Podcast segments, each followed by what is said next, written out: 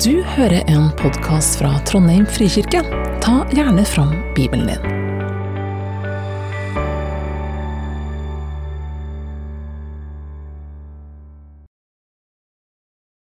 Um, og det vi skal gjennom nå, det er ikke bare liksom en litt sånn eh, skumme overflaten av eh, Feserbrevet, en litt sånn lett, enkel tekst. Nei det har også fått eh, oss har vært eh, smart når vi la opp eh, høsten og tenkte at det var lurt å ta nesten to hele kapittel som oppfavner liksom hele og alt det som er vanskelig og sånn i trua. Så dere får holde dere litt fast. Det blir litt sånn information overload, kanskje.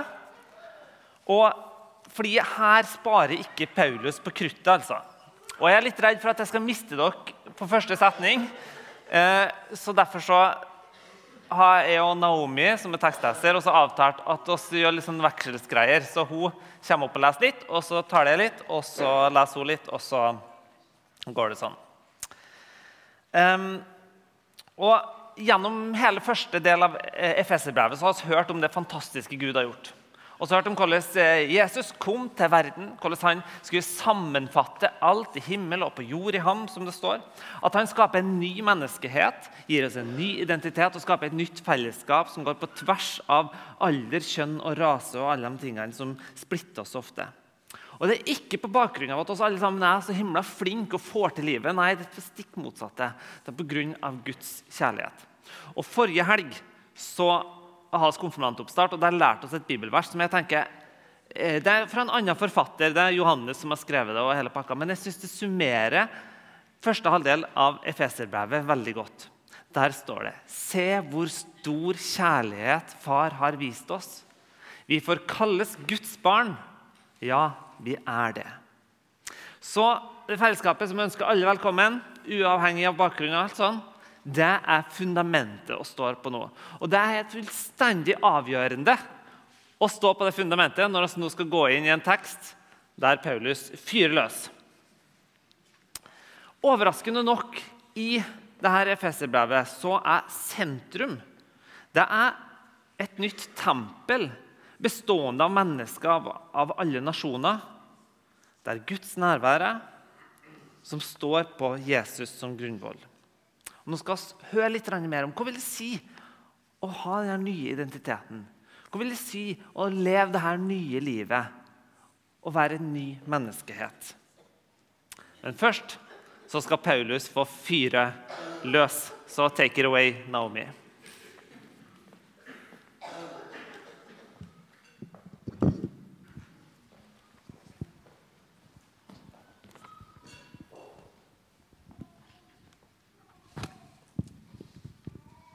Yes, Da skal jeg lese fra Efeserne 4, 17-19.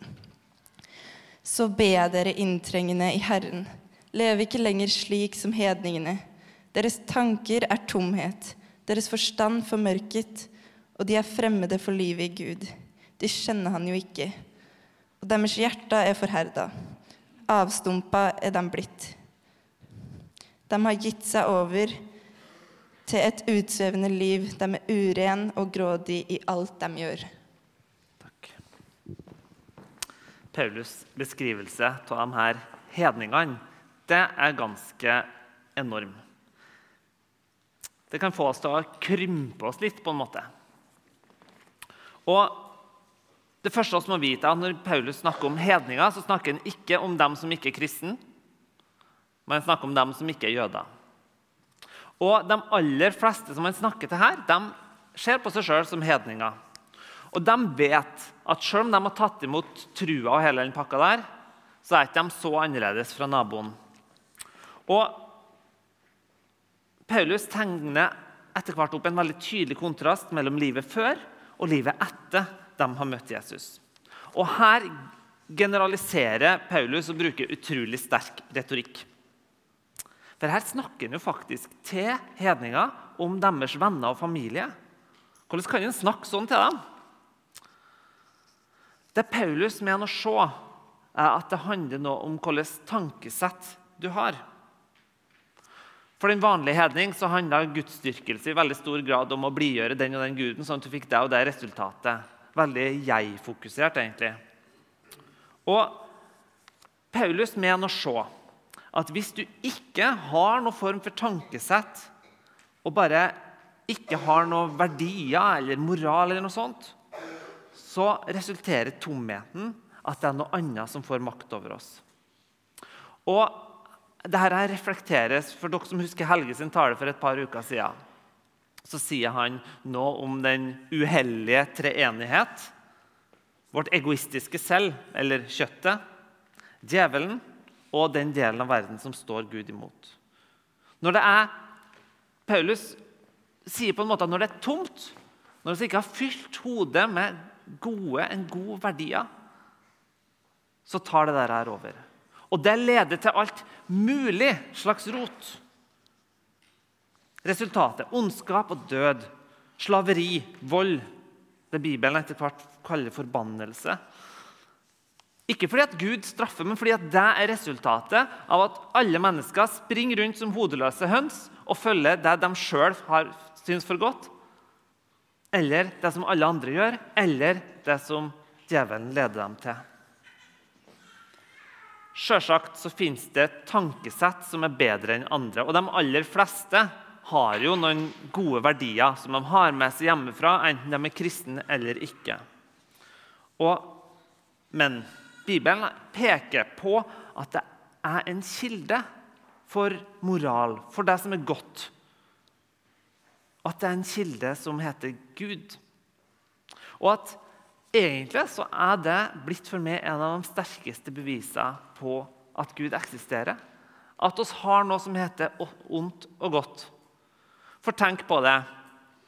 Hvis Gud ikke eksisterte, hvordan kunne han si at noe var godt eller vondt? Jo, du kan kanskje si at det fører til dårlige liv for folk. Men hvem er det som bestemmer at det er dårlige liv for folk? De fleste vil jo si at det å drepe er vondt. Kannibalisme eller det å stjele. Men hvorfor er det det? For uten Gud, uten en moralsk lovgiver utafor oss sjøl, så blir det opp til oss å definere hva som er rett og galt. Og Da er det enten flertallet som vinner, eller de sterkeste som vinner, som definerer hva som er rett og galt. Men kom når flertallet i et land bestemmer seg for at et mindretall i det landet er mindre verdt. At det mindretallet i det landet tar fram alle jobbene, og at det egentlig har vært best om det mindretallet i det landet utrydda, for da hadde det blitt naturressurser nok til alle, og at i det lange løp så ville det kanskje lønne seg. De fleste av oss vil jo rope nei. Folkemord, det er ondskap. Men hva om folkemord førte til bedre liv på sikt for flere? Uten Gud så blir sånne avveininger nesten umulig. For det er noe som er rett, og noe som er galt. Det, det syns oss alle sammen. Og Paulus inviterer oss til å si Gud, du vet hva som er rett og galt. Og du skal få lov til å være lovgiver, sånn at oss ikke bare springer rundt og gjør det vi vil. Og så hører vi i Efeserne 2 videre at på tross av at oss alle sammen gjør det der. Oss følger egen, våre egne lyster, oss følger vår egen egoisme, oss følger alle mulige slags ting som ikke fører til noe godt. Så får oss lov til å komme fram for Gud, for tilgivelse, nytt liv og for en del av denne nye menneskeheten. Ikke fordi at vi har gjort vårt beste, ikke fordi at vi er så himla flinke, men fordi Gud elsker oss.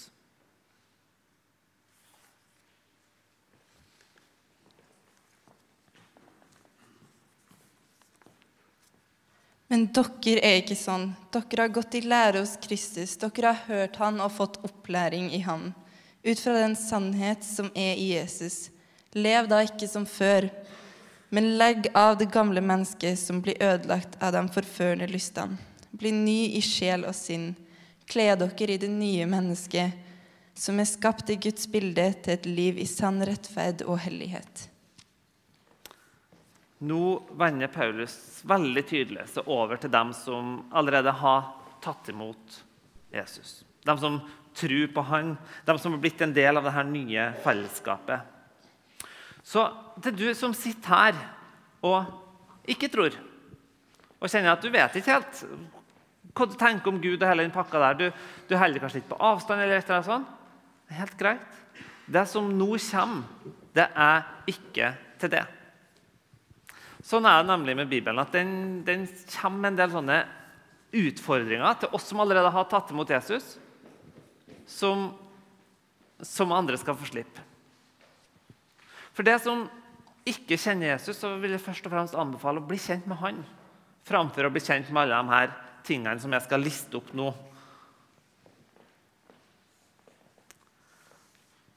Jeg skal ikke gi dere noen moralsk pekefinger, men jeg vil peke på Jesus. Det er han som det her snakker om. Det er han, det er han som er inngangsporten. Og Paulus snakker om å kle seg i det nye mennesket, som er skapt i Guds bilde til et liv i sann rettferdighet og hellighet. Og Det første vi hører, er at Paulus bruker et begrep, og det er å kle seg i noe. Og I dag så har vi fått et veldig tydelig bilde på hva Paulus egentlig snakker om. Det er altså fått to dåpsbarn som har kommet inn kledd i en hvit kjole. Denne hvite kjolen den symboliserer denne nye menneskeheten. Ren, rettferdig, himmelen verdig, som det står i sangen. Dette er det å få lov til å være Guds barn. At vi kan få komme inn, uavhengig av hva som er gjort, og likevel få kalles Guds barn. En av Hille Marie og med sine store frykter gjennom helga og egentlig fram til nå når jeg skulle begynne å tale og Hille Marie tok henne ut, er at Anne Louise har eh, slutta å ha regelmessig avføring flere ganger per dag. Som vil si at når det først kommer, så er det ingen bleie i verden som kan redde situasjonen. Fordi plutselig så står oss der med en helt gul dåpskjole som er 100 år gammel. Som er flekka til. Og, og det, det, er få ting som kan vaske. Og så kan skrubbe og alt mulig sånn, og så kan hive den i vaskemaskinen. Men det er ingenting som kan vaske den kjolen sånn at den blir ren og fortsatt brukbar. Vi trenger et mirakel, en vidunderkur og gallesåpe og sitronsåpe og Vanish, og alt funker ikke. Og Symbolet må være kledd i Kristus. Det har vært tatt videre av noen prester som går i sånn hvit alba. Paulus snakker om å kle seg, dekke seg sjøl og være i Kristus. I Galaterne 3 så står det For dere er alle Guds barn med troen i Kristus Jesus. Alle dere som er døpt til Kristus, har kledd dere i Kristus. Her er ikke jøde eller greker, her er ikke slave eller fri, her er ikke mann eller kvinne. Dere er alle én i Kristus Jesus. Og hører dere Kristus til, er dere Abrahams ett og arvinger etter løftet. Kledd i Kristus. Og så vet Paulus at eh, det å ha fått en sånn ny identitet som det her, det er ikke bare lett. Han beskriver hvordan han veldig fort vender seg om og begynner med noe annet. og sier, Paulus han sier det jeg ikke vil, det gjør jeg, og det jeg vil, det gjør jeg ikke. Eller for å bruke ord fra Luther, som sier også 'samtidig synder og rettferdig'. og kompliserte begrep. Men oss er kanskje det nye mennesket som Paulus snakker om, men oss er òg fortsatt det gamle mennesket. Vi kan bli dratt opp av grøfta, men ganske snart så detter oss inni den igjen. Og så har jeg en liten illustrasjon på den som Sondre skal finne fram her nå. En liten video som viser litt hvordan livet ofte med Jesus er. da. Kommer, berger oss, redder oss opp, og så slipper oss løs fra det her som har fanga oss, og så skjer det her.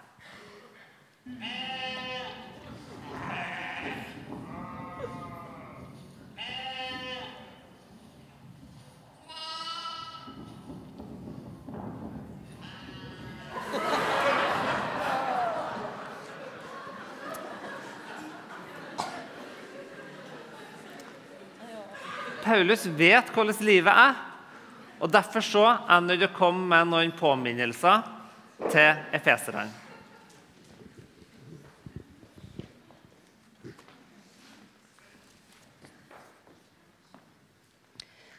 Legg derfor av løgnen og snakk sant til hverandre. For vi er hverandres lemmer.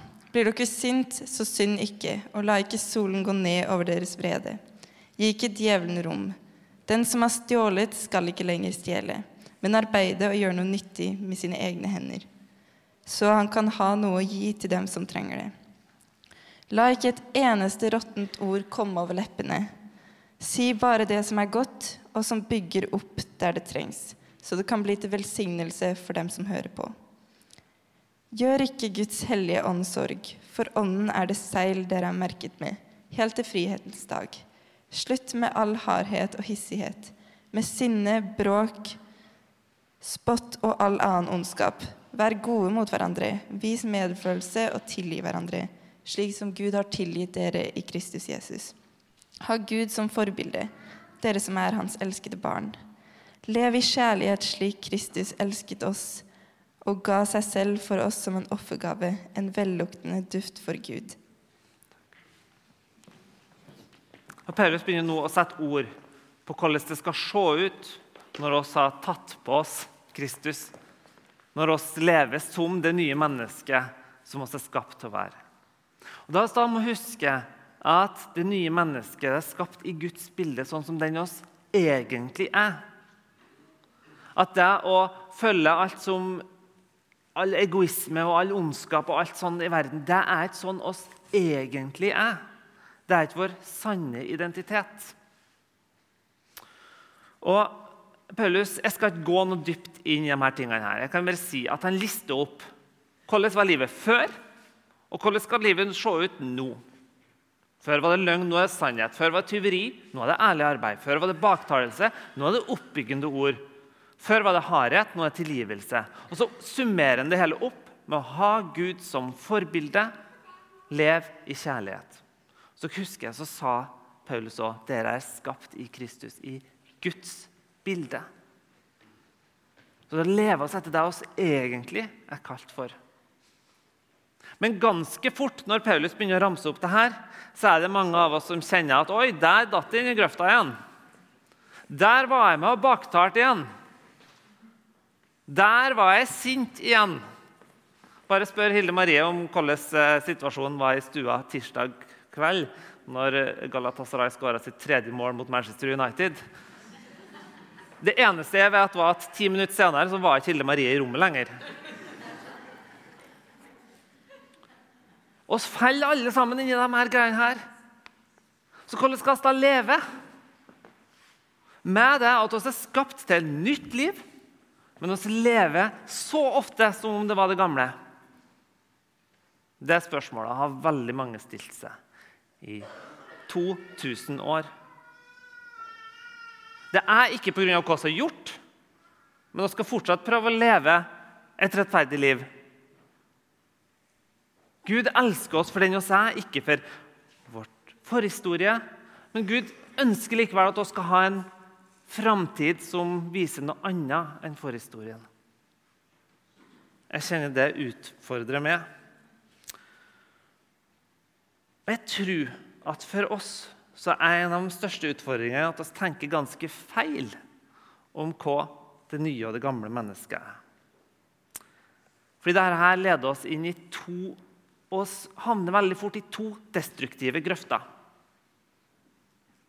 Den ene grøften er dem som tar på seg Kristus, og så bare Oi, der var noe godt. Ja, ja, Jesus tilgir. Og så springer han, og så spiser av eple eller et eller annet.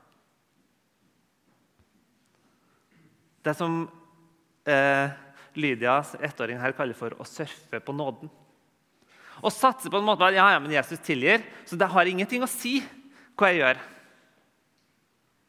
Og vet dere hva jeg snakker om nå? Med og det. Mest sannsynlig så gjør oss det alle sammen på et eller annet punkt. Ja, ja, det er ikke så farlig. Jesus tilgir. Den andre grøften som man kan havne i, det er dem som er her. Så ser de at de detter ned i grøfta og gjør noe de ikke skulle. Men den store store frykten er at nå går det feil. Nå kommer jeg til helvete. Nå mister jeg himmelbilletten min. Og Mange av dere har kanskje tenkt at akkurat dette her, det kan ikke Gud tilgi, for jeg har synda, og jeg visste at jeg synda, og jeg lever ikke det nye livet. Og Mange av oss balanserer mellom de her to grøftene. her. Noen ganger så synes vi det veldig, går veldig greit, og alt mulig sånn, og Gud tilgir, og alt mulig sånn, og andre ganger så detter vi inn i den. og Hva skal jeg gjøre? Gud tilgir meg, men det har jeg jo bedt så mange ganger om at nå tror jeg kanskje kvoten er tom. Og begge grøftene kan på en måte ha noe sannhet i seg. Det er noe sant med begge delene, men, en, men det er bare en halvsannhet. Og for å sitere en Wright, Hvis du gjør en halvsannhet til hele sannheten, så blir det en usannhet. For feilen til begge Nå skal jeg ramse opp tre feil. De her begge to gjør. De er moralistiske. De forstår kun Guds vilje og krav som noe man må oppfylle. Som et slags sånn eh, skjema som du må fylle ut. Har du tatt alle vaksinene? Ja. Har du ikke begått noe lovbrudd i hjemlandet? Ja. Ok, da er du velkommen inn. Det blir lover og retningslinjene ikke må bryte. Og siden det virker fullstendig unaturlig å både være frikjent og syndig og skyldig, så detter vi inn av grøftene. Og han glemmer at grunnen til at Jesus faktisk veileder oss, er at han ønsker oss det beste. Jeg leste eh, en ting på Jodel her en dag. Det var ei som sa det er utrolig frustrerende at det det er like best i verden, enten gjør meg full, tjukk eller gravid. Og ja, det er litt frustrerende at valgene våre får konsekvenser.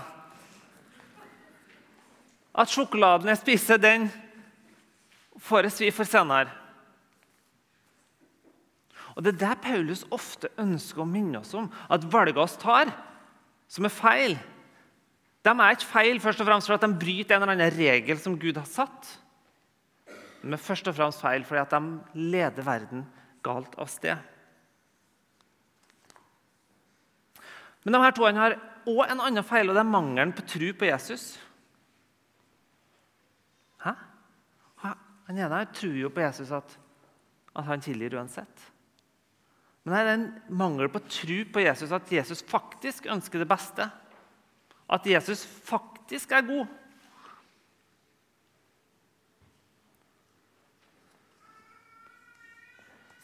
Problemet med loven, sier Paulus, at loven og reglene fra Gammeltestamentet. Det er ikke at lovene reglene er feil men at reglene ikke setter oss i stand til å leve etter dem. Men nå har Jesus kommet. Nå er det kledd i Kristus. Og det å være kledd i Kristus må være kledd i ei supermannkappe. Det gir oss en ny identitet, men det gir oss òg en ny kraft. Det betyr at oss fortsatt glemmer det og kaster av oss kappa og roter oss borti et eller annet.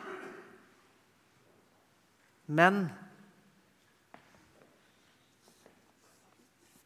oss har så lett for å glemme at Jesus er der for å hjelpe oss med det å strever med.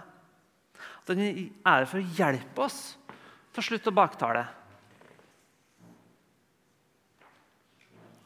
Den siste de feilene de her to gjør, og som kanskje oss alle gjør, spesielt i sånn vestlig luthersk kristendom, er at oss er altfor opphengt i himmelen.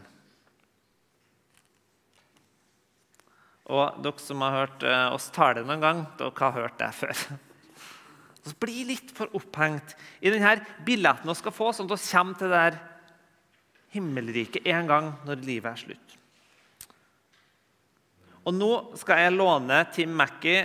Dere vet at oss digger han. En av han, dem som har starta The Bible Project sin. Og jeg skal låne en tegning av han um, som uh, som jeg syns illustrerer veldig godt hva Paulus egentlig snakker om.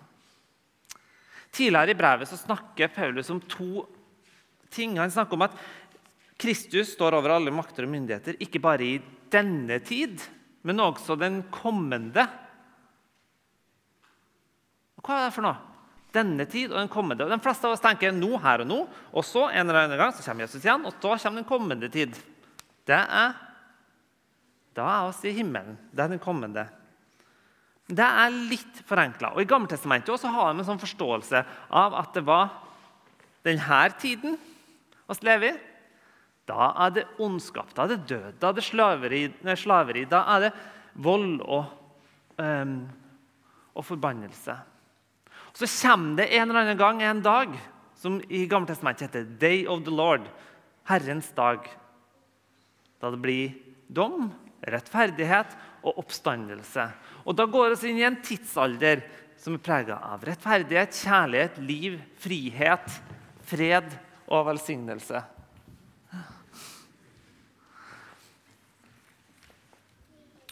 Og Så kommer Nye testamentet, og så sier Paulus og de andre forfatterne at de gamle profetene de har rett.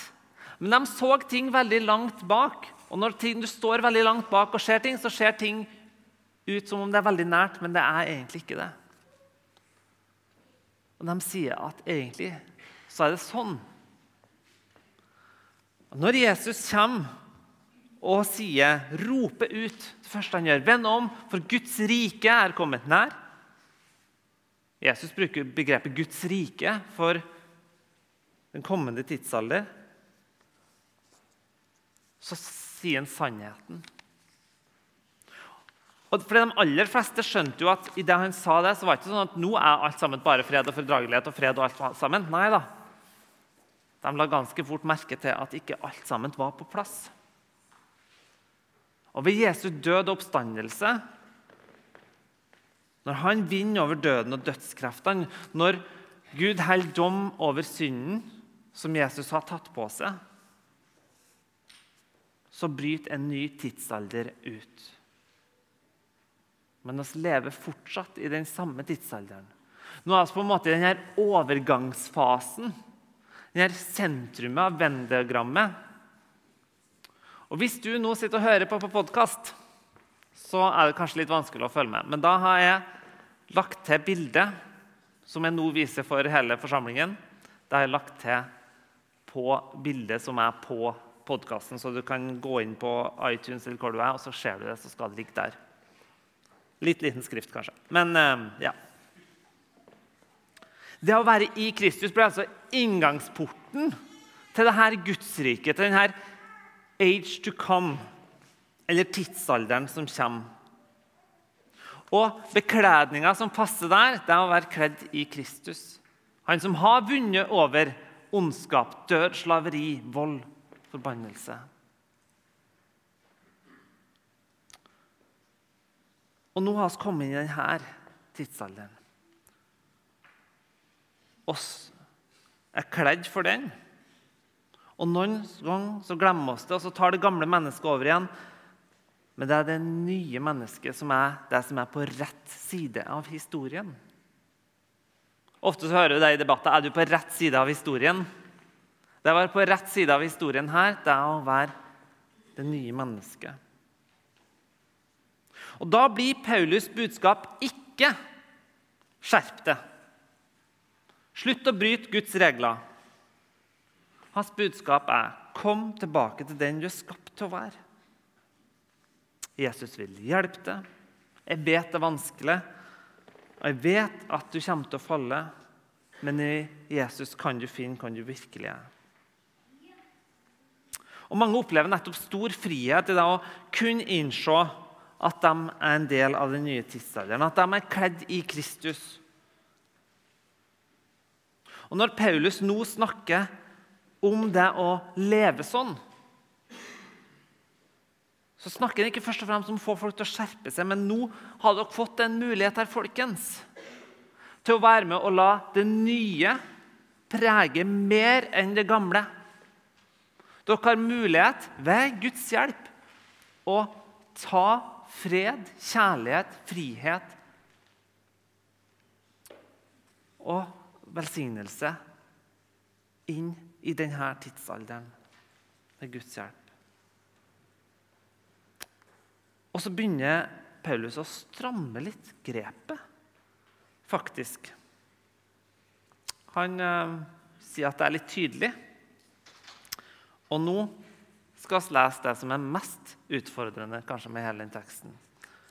Det er når Paulus nå skal ta for seg det han har sett i menigheten, at det er en del som ikke lever etter den eh, seksuelle standarden som de setter.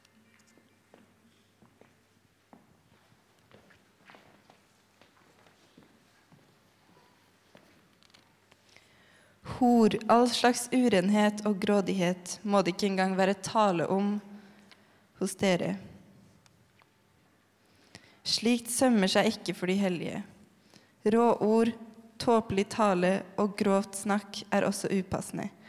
Si heller takk til Gud, for dere skal vite at ingen som driver hor, lever i urenhet eller grådig skal arve Kristi og Guds rike.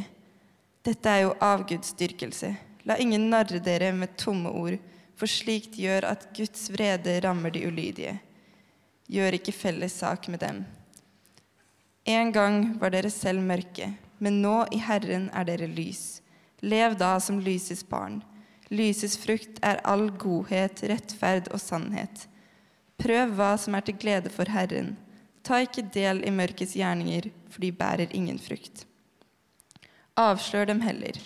Det er sli som slike folk driver med i det skjulte, er det en skam bare å nevne.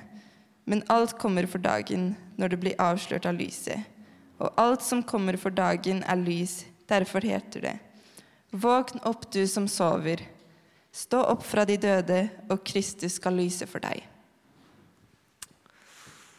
Når Kirken snakker om eh, sex og penger, da blir det fort anspent og kanskje spesielt i dagens uh, kultur. Og Paulus uh, snakker om ganske mye når han bruker ordet hor. Da mener alt som ikke er etter den standarden som de har satt, som er at seksuell kontakt tilhører ekteskapet. Og om ti dager så skal vi ta for oss dette temaet skikkelig, så jeg skal ikke gå noe dypt inn i det. Men legg merke til hvordan Paulus her og andre plasser setter hor og grådighet sammen. Det er ikke noe nytt der her. fordi at Se Paulus så er det sånn at når det er oss og meg og mine lyster, det jeg har lyst til, og min egoisme som får lov til å styre, så er sex og penger veldig lavthengende frukter å begynne å ta av. Når fokuset blir på meg, min orgasme, mine skattepenger, da kan det gjøre stor skade. Og skal ikke bla langt ned på nettaviser for å se det. Sovevoldtekter, metoo, vinningskriminalitet, narkotikahandel. Det er ofte kilde til stor lidelse for mange. Og det de fleste har jo veldig tydelige grenser for hva som er god og dårlig seksualmoral. Og alle sammen mener at når vi går utafor dem, så skader det ofte. Det har sett så mange eksempler på. Men her òg kan vi fort misforstå noe. For Det første er at Paulus bruker et begrep som sier at um, De skal ikke arve Guds og Kristi rike. Huh. Hvis du vokste opp i bedehuset, eller et annet sånt, så tenker du nå kommer jeg ikke til himmelen. Nå har jeg gjort noe som gjør at jeg ikke kommer til himmelen. Det er ikke det Paulus sier. For husk dere, det å arve Guds rike, det er å være en del av dette nye prosjektet på jorda. Det er å la det nye få vokse fram. Så det er Paulus bare prøver å si at nå er dere ikke med å skape mer himmel på jord. Nå er dere med på det motsatte. når dere undergraver andre mennesker med deres egne lyster. Så sier Paulus også at det er enda et ord som har vært utrolig sånn hardt. Guds vrede skal ramme de ulydige. Jeg skulle gjerne hatt en time til. Eh, det skal jeg ikke. Jeg er snart ferdig. Guds vrede. Hva er Guds vrede? Guds vrede er stort sett i Bibelen at um, Gud lar oss få høste konsekvensene sjøl av det oss gjør. Konsekvensene av å snyte på skatten det er hva det gjør med vårt eget hjerte og hva det gjør med samfunnet rundt. Det har konsekvenser. Men og De fleste av oss kjenner seg at ok, jeg driver ikke og voldtar og jeg driver ikke og snyter på skatten. Det går bra. Men Paulus hever standarden ganske kraftig når han sier rå ord, tåpelig tale og grovt snakk er også upassende. Paulus og Jesus har det med å liksom heve standarden litt. At på ene sida blir det både mer som står på spill, og på andre sida blir det mindre som står på spill. Mindre som står på spill fordi at hver ting du gjør, ikke handler om du kommer til himmelen eller ikke. Men mer som står på spill fordi at hver dag er din mulighet til å være med på å bringe himmel på jord. Eller trekke oss i feil retning. Og da nevner Paulus noe som oss veldig fort ikke stoppe stopper i kristne sammenhenger eller andre sammenhenger. Rå ord, grovt snakk er også upassende. For Kanskje kan liksom pervers humor være med på å fjerne litt skam knytta til seksualitet, og alt mulig sånn, men ganske ofte så er det heller med på å gjøre det mer trangt.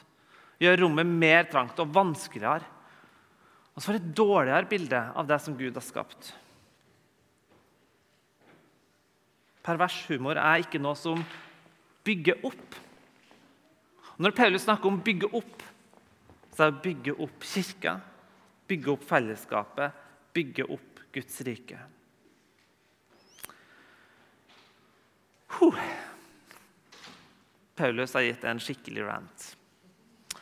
Og kanskje um, sitter du her og ikke tror og bare kjenner at dette var litt mye å ta inn over seg. egentlig. Jeg skal fortelle om ei eh, venninne av meg hun eh, var ikke kristen, og så ble hun kjent med en eh, kollega som begynte å snakke om Jesus og de her pakkene her.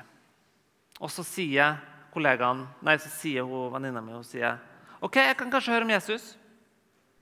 Jeg kan kanskje til og med kalle meg kristen en eller annen dag. Men jeg kommer aldri til å endre syn på alkohol, på sex før ekteskapet, bla, bla, bla. bla. Masse sånne ting. som hun sa. Jeg kommer aldri å endre syn. Og så sier hun kollegaen så, ja, helt greit. Jeg vil bare at du skal kjenne Jesus.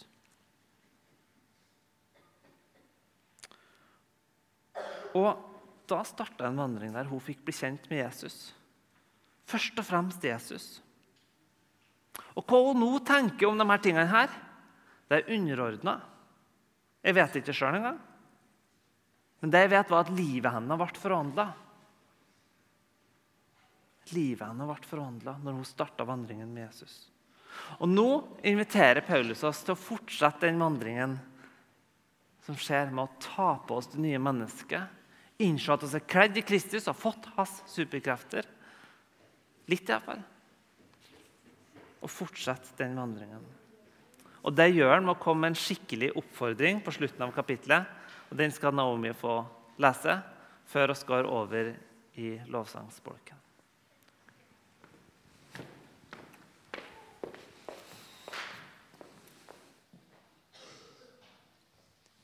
Pass derfor nøye på hvordan dere lever, ikke som ukloke mennesker, men som kloke.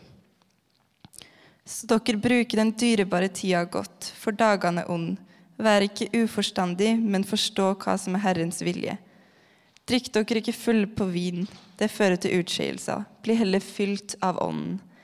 Og syng sammen. La salmer, hymner og åndelige sanger lyd. Syng og spill av hjertet for Herren, og takk alltid vår Gud og Far for alt i vår Herre Jesu Kristi navn.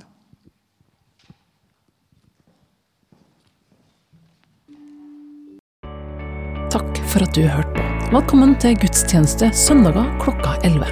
Mer informasjon finner du på trondheim.frikirke.no.